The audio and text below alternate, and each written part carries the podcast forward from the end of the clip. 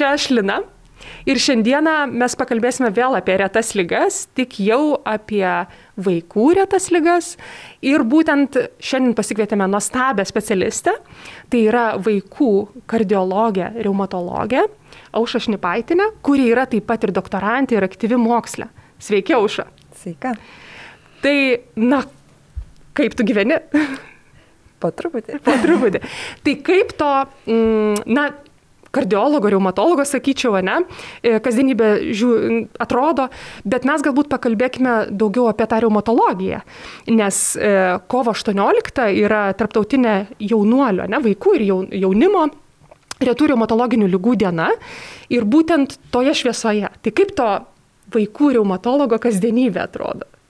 Taip, kovo 18 yra e, vaikų ir, ir jaunų žmonių sergančių reumatiniam lygom diena. E, tokia žodžio diena, Word Day, kur skatinama kalbėti apie retas lygas, apie reumatinės vaikų lygas.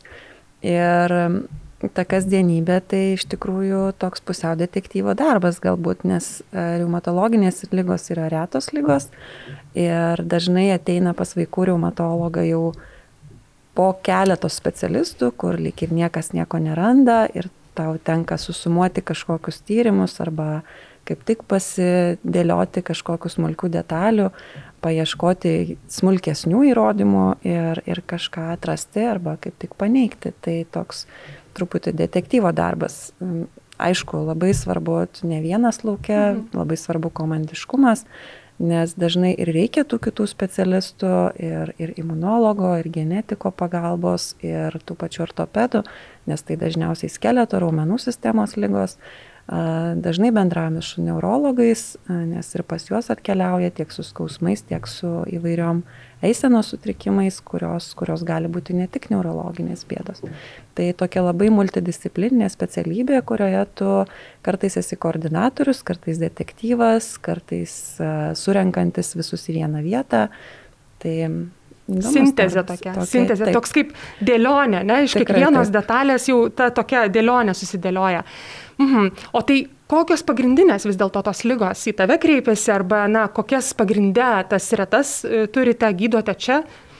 Tai dažniausiai iš retų lygų yra jaunatvinis idiopatinis artritas, tai dėl sutinusių, skaudančių sanarių ateinantis vaikai arba jau ir deformuotų sanarių priklausomai nuo to, kokioj uh, lygos fazėje mes matom tą vaiką. Ir aišku, yra ir kitos dar retesnės lygos skeleto, tai ir įvairios kaulų uždegiminės mhm. lygos, ir įvairios sisteminės lygos, kaip sisteminė raudonoji vilklygė, raumenų lygos, bet jos ženkliai retesnės negu idiopatinis artritas, tai dažniausiai tikriausiai mhm, patologija. Mhm. O kiek vis dėlto, na, e, čia aišku, gal skaičiais tokiais tiksliai sunku pasakyti, bet, na, apytiksliai, kiek maždaug Lietuvoje, kiek pasaulyje tokių susirgymų, va, tų dažniausių arba tų retesnių, kiek yra jų, kiek tų vaikų yra jų ir jaunimo? Tai aišku, daugiausia duomenų yra apie juvenilinį idiopatinį artritą, bet ir tie patys duomenys yra labai tokie pabirę, nes nėra tikslių epidemiologinių studijų. Deja, yra, ką mes turime Lietuvoje, tai iš sveidros duomenys, tai panašiai 1,3-1,4 atvejo tūkstančių gyventojų. Tuo tarpu pasaulyje labai skiriasi nuo šalies, labai skiriasi nuo naudojimų kriterijų studijose, tai gali būti nuo 0,2 iki 4 netgi atvejų tūkstančių vaikų. Tai labai sunku suvienodinti mhm. tos duomenys, surinkti ir didžiausia studija bandžiusi tai padaryti yra epoka studija vadinama epidemiologijos, kuri pasižiūrėjo 130 reumatologinių centrų duomenis per penkis metus ir surinko 9 tūkstančių su trupučiu vaikų duomenų sergančių juveniliniu artritu ir paaiškėjo, kad iš tikrųjų artritas labai skirtingas ir Azijos šalyse, ir skirtingas Europos e, ir Amerikos šalyse, ir net pačioje Europoje yra tam tikrų skirtumų, kaip tiek pasireiškimo, tiek amžiaus, tiek gydimo prieinamumo prasme. Tai įdomus tie duomenys, o retesnės lygos, tai kaip pavyzdžiui dermatomiozitas, polimiozitas yra viena iš milijono, tai, tai iš tikrųjų gana tokios jau labai retos lygos. Mm. Čia, ką, ką tu sakai, tai iš tikrųjų, na, toks kaip e, dabar labai madingas yra fenotipavimas lygų, ne? Arba Taip. netgi genotipavimas, Taip. nes greičiausiai tai, na, genetikas žaidžia labai didelį vaidmenį vis dėlto irgi jūsų diagnostikoje lygų. Genetikas e, tam tikrose reumatinės lygose yra e, pats pagrindinis, tai periodiniuose karščiavimuose, tai yra atskira autouždegiminių lygų grupė. Tai yra tikrai labai retos lygos, bet jos turi nustatyti savo genetinius faktorius, genetinės mutacijas, kurias galim patvirtinti ir duoti pavadinimą ir žinoti, ką toliau daryti. Tačiau didžioji dalis reumatinių lygų, kaip juvenilinis artritas, vilklygė ir, ir kitos, a, Deja, arba tie faktoriai dar vis dar yra nežinomi, arba kaip juvenilinis artritas yra poligenetinės lygos. Tai yra labai daug veiksnių ir smulkių detalių žaidžia, kad e, vaikas susirgtų e, šitą lygą. Ir ne tik genetinių, iš tikrųjų, ir aplinkos veiksnių, ir, ir įvairių virusų, ir paskutiniai tyrimai rodo, kad ir mūsų mikrobiota vaidina labai didelį vaidmenį, mūsų antibiotikų vartojimas. Žarnyno mikrobiota. Žarnyno taip? mikrobiota, taip. Tai kol kas tokių svarių įrodymų nėra, ką galima padaryti, bet e, įrodymų vis daugėja, kad turėtumėm kreipti dėmesį ten. Auša, o dabar irgi, na, visur girdima, ne, autoimunika, imunitetas ir, na, liktai yra tokios tendencijos ir kalbėjimas, kad galbūt daugėja tų lygų, tokių, vat, ar tai tikrai daugėja tokių kaip kiekis, apskritai, kad jų daugėja? Per se, mhm. ar gerėja diagnostika, kame, kame tas yra dalykas, ar tikrai daugėjimas yra toksai dėl aplinkos faktorių, dėl genetinių? Mm, tai toks pojūtis yra, tačiau statistika rodo, kad keletą metų tas skaičius yra labai panašus, bent jau Lietuvoje, kur, kur pakankamai geros diagnostikos galimybės. Ir uh, apskritai lygų spektras tai e, šiek tiek keičiasi, nes e, kai kurios buvę neaiškios lygos arba turinčios kažkokį sindrominį variantą, mhm. jos yra patikslinamos, atsiranda naujų pavadinimų, atsiranda naujų pavadinimų ne tik vaikų lygose, bet ir suaugusiuose, e, įsitraukiant labiau genetikams su, su nauja sekoskaita. Bet e, bendras skaičius tai tikriausiai didėja dėl to, kad tas pojūtis didėja dėl to, kad anksčiau nustatom, mhm. ženkliai anksčiau nustatom, kol, kol dar galim neturėti tolimųjų komplikacijų. Tai e, tas masė susidaro iš to, kad ir tie vaikai tampa ilgiau sekami, e, jų daugėja apsilankimų, nes jie nebenustatomi ten paauglystėje, o jau ir nuo mažo amžiaus, jeigu yra kažkokie mm, sutrikimai. Taip, o mm, na, tu sakai, kad visos retos lygos, e, nu, visos reumatinės lygos vaikų yra retos, taip? Taip. E, tai kiek, kiek vis dėlto dar yra tų tokių nediagnozuotų lygų? Na, na, dažniausiai reta ir yra susijusi su nediag... ta būtent nediagnozuota lyga, taip ir kartais būna, kadangi jie ir, ir po 10 metų, ir po 15, kol, kol, kol tą diagnozę gauna. Tai kiek maždaug tavo praktikoje arba apskritai galbūt pasaulinė yra praktika arba skaičiai, kiek tokių lygų yra, kur vėliau, sakykime, atsiranda genas kažkoks ar dar kitas tyrimo metodas? Mm, tai tikslių skaičių tikrai e, neteko aptikti, bet uh, yra tokia net grupė reumatologijoje išskiriama lygų kaip nepatikslintos arba neaiškios mišrios jungiamojo audinio lygos, kurios mes matom, kad tikrai pacientui yra negerai ir jis gali turėti net keleto lygų simptomus, tačiau netelpa nei vieną apibrieštą kriterijų ar tyrimo būdą ar genetinį kažkokį faktorių. Ir tiesiog stengiamės padėti ir gydyti pagal kliniką vyraujančią. Tai šitų lygų yra, tikrai ir atveju yra, kur, kur tokie neapibriešti ir nepatikslinti. O kartais ir tik suaugusio amžiuje paaiškėja, kad išsivysto, išsiprogresuoja simptomai į konkretų kažkokį susirgymą, kai galima diagnozuoti jau kažkokį mhm. tikslų variantą. Išsikristalizuoja, tarsi, tarsi taip, taip išsikristalizuoja per gyvenimą. Mhm. O vis dėlto, na, vaikų reumatologija ir apskritai retų lygų, e, tas visas, e, na, visa ta tokia specialybė, nežinau kaip čia apibriežti, vienetas toksai jis iš tikrųjų neatsiejamas nuo mokslo labai. Ir žinau, kad tu esi labai aktyvi įvairiuose moksliniuose projektuose mm, ir klinikinėje, va, toj mokslinėje dalyje. Na, e, gal gali papasakot, ką tu veiki tame ir kas vyksta apskritai pasaulyje, Lietuvoje? Tai gal pradėsim nuo pasaulio. Daugiausia dėmesio tai vaikų ypač srityje skiriama neinvaziniam tyrimam, tai labai labai populiarėja ultragarsas kaip lygos tiek diagnostikos, tiek sekimo įrankis, nes tai yra ir neinvazinis, ir pacientui labai draugiškas tyrimas nuo pačio mažiausio mhm. amžiaus. Tačiau ieškoma ir kitų neinvazinių kažkokio metodų patvirtinti ar galbūt sekti lygą. Tai e, vieni iš tyrimų yra tikrai net ne nutolę nuo genetikos, tai yra mikroRNR paieškos, yra tiek šlapime, tiek seilėse, tiek kol kas e, koreliacija su kraujo serumu, bet perspektyvoje galvojama, kad tai turėtų tapti neinvaziniai metodai. E, kita pasaulyje labai tokia plati šaka yra apskritai nusistovėjusios klasifikacijos lygų keitimas, to pačio mhm. juvenilinio artrito formų apibrėžimas, kadangi ženkliai daugiau žinom apie patogenezes, apie mechanizmus ir tos senosios lygų klasifikacijos atrodo nebetitinka realybės. Tai yra dalis mokslinių ir epidemiologinių tyrimų, kurie žengia tą kryptim, kad pakeisti jas ir, ir būti tokiem arčiau patogenezės suskirstimui ir, ir pagal tai rinkti gydimą. E, ir kalbant apie gydimą, dar vienas rytis yra didžiulė, kad vaikams taptų prieinamas gydimas kaip ir suaugusiems.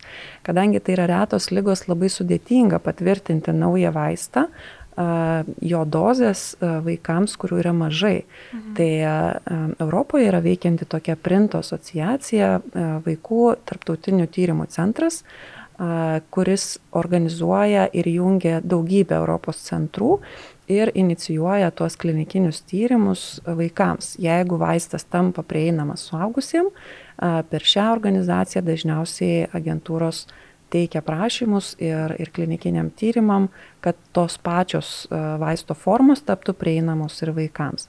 Tai jeigu suaugusiems dalį vaistų mes jau turim nebe injekcinius, o peroralinius, geriamus vaistus, medikamentus, tai e, šiuo metu ateina tyrimai ir į vaikų klinikiniai tyrimai. Lietuvoje, ką mes darom, tai šiuo metu mano doktorantūros tema yra taip pat neinvaziniai tyrimai. Tai e, žinoma, ultragarsas, tai yra mano, mano mėgstama labai sritis. Ir patikrinimas, kiek mes galime sekti, kiek tai atspindi ir koreliuoja su kitais jau auksinių standartų tapusiais tyrimais ir ar galima būtų palikti tik ultragarsinį sekimą kažkurį tai laiką, mažiau traumuojant vaiką, mažiau, mažiau reikalaujant kraujo tyrimo. Ir kita darbo dalis yra, aišku, šlapimo tyrimai, ką mes galime aptikti ir rasti šlapime iš naujų biožymenų, mikroRNR paieškos, tai matysim, kas iš to išeis. Mhm. Ačiū tau. Na tikrai, manau, kad e, vaikų sritis ypatingai, ne, aišku, ir suaugę labai bijo ir, ir kraujo paėmimo, ir to dūrio, vaikai dar labiau.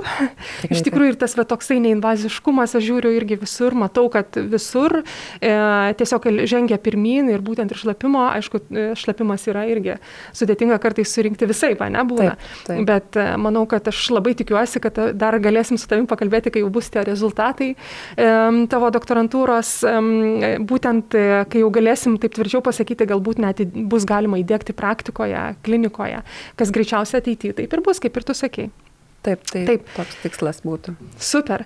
O iš viso kalbant, na, mes kalbam irgi apie kliniką, apie e, tas retas reumatinės lygas, apie mokslą, bet, na, sakys žmonės, na, kodėl mums reikia apie tai žinoti, ne? nes tai yra retos lygos, na, kodėl, ar tai yra svarbu, ar, ar reikia šviesti, ar, ar na, kam esmė.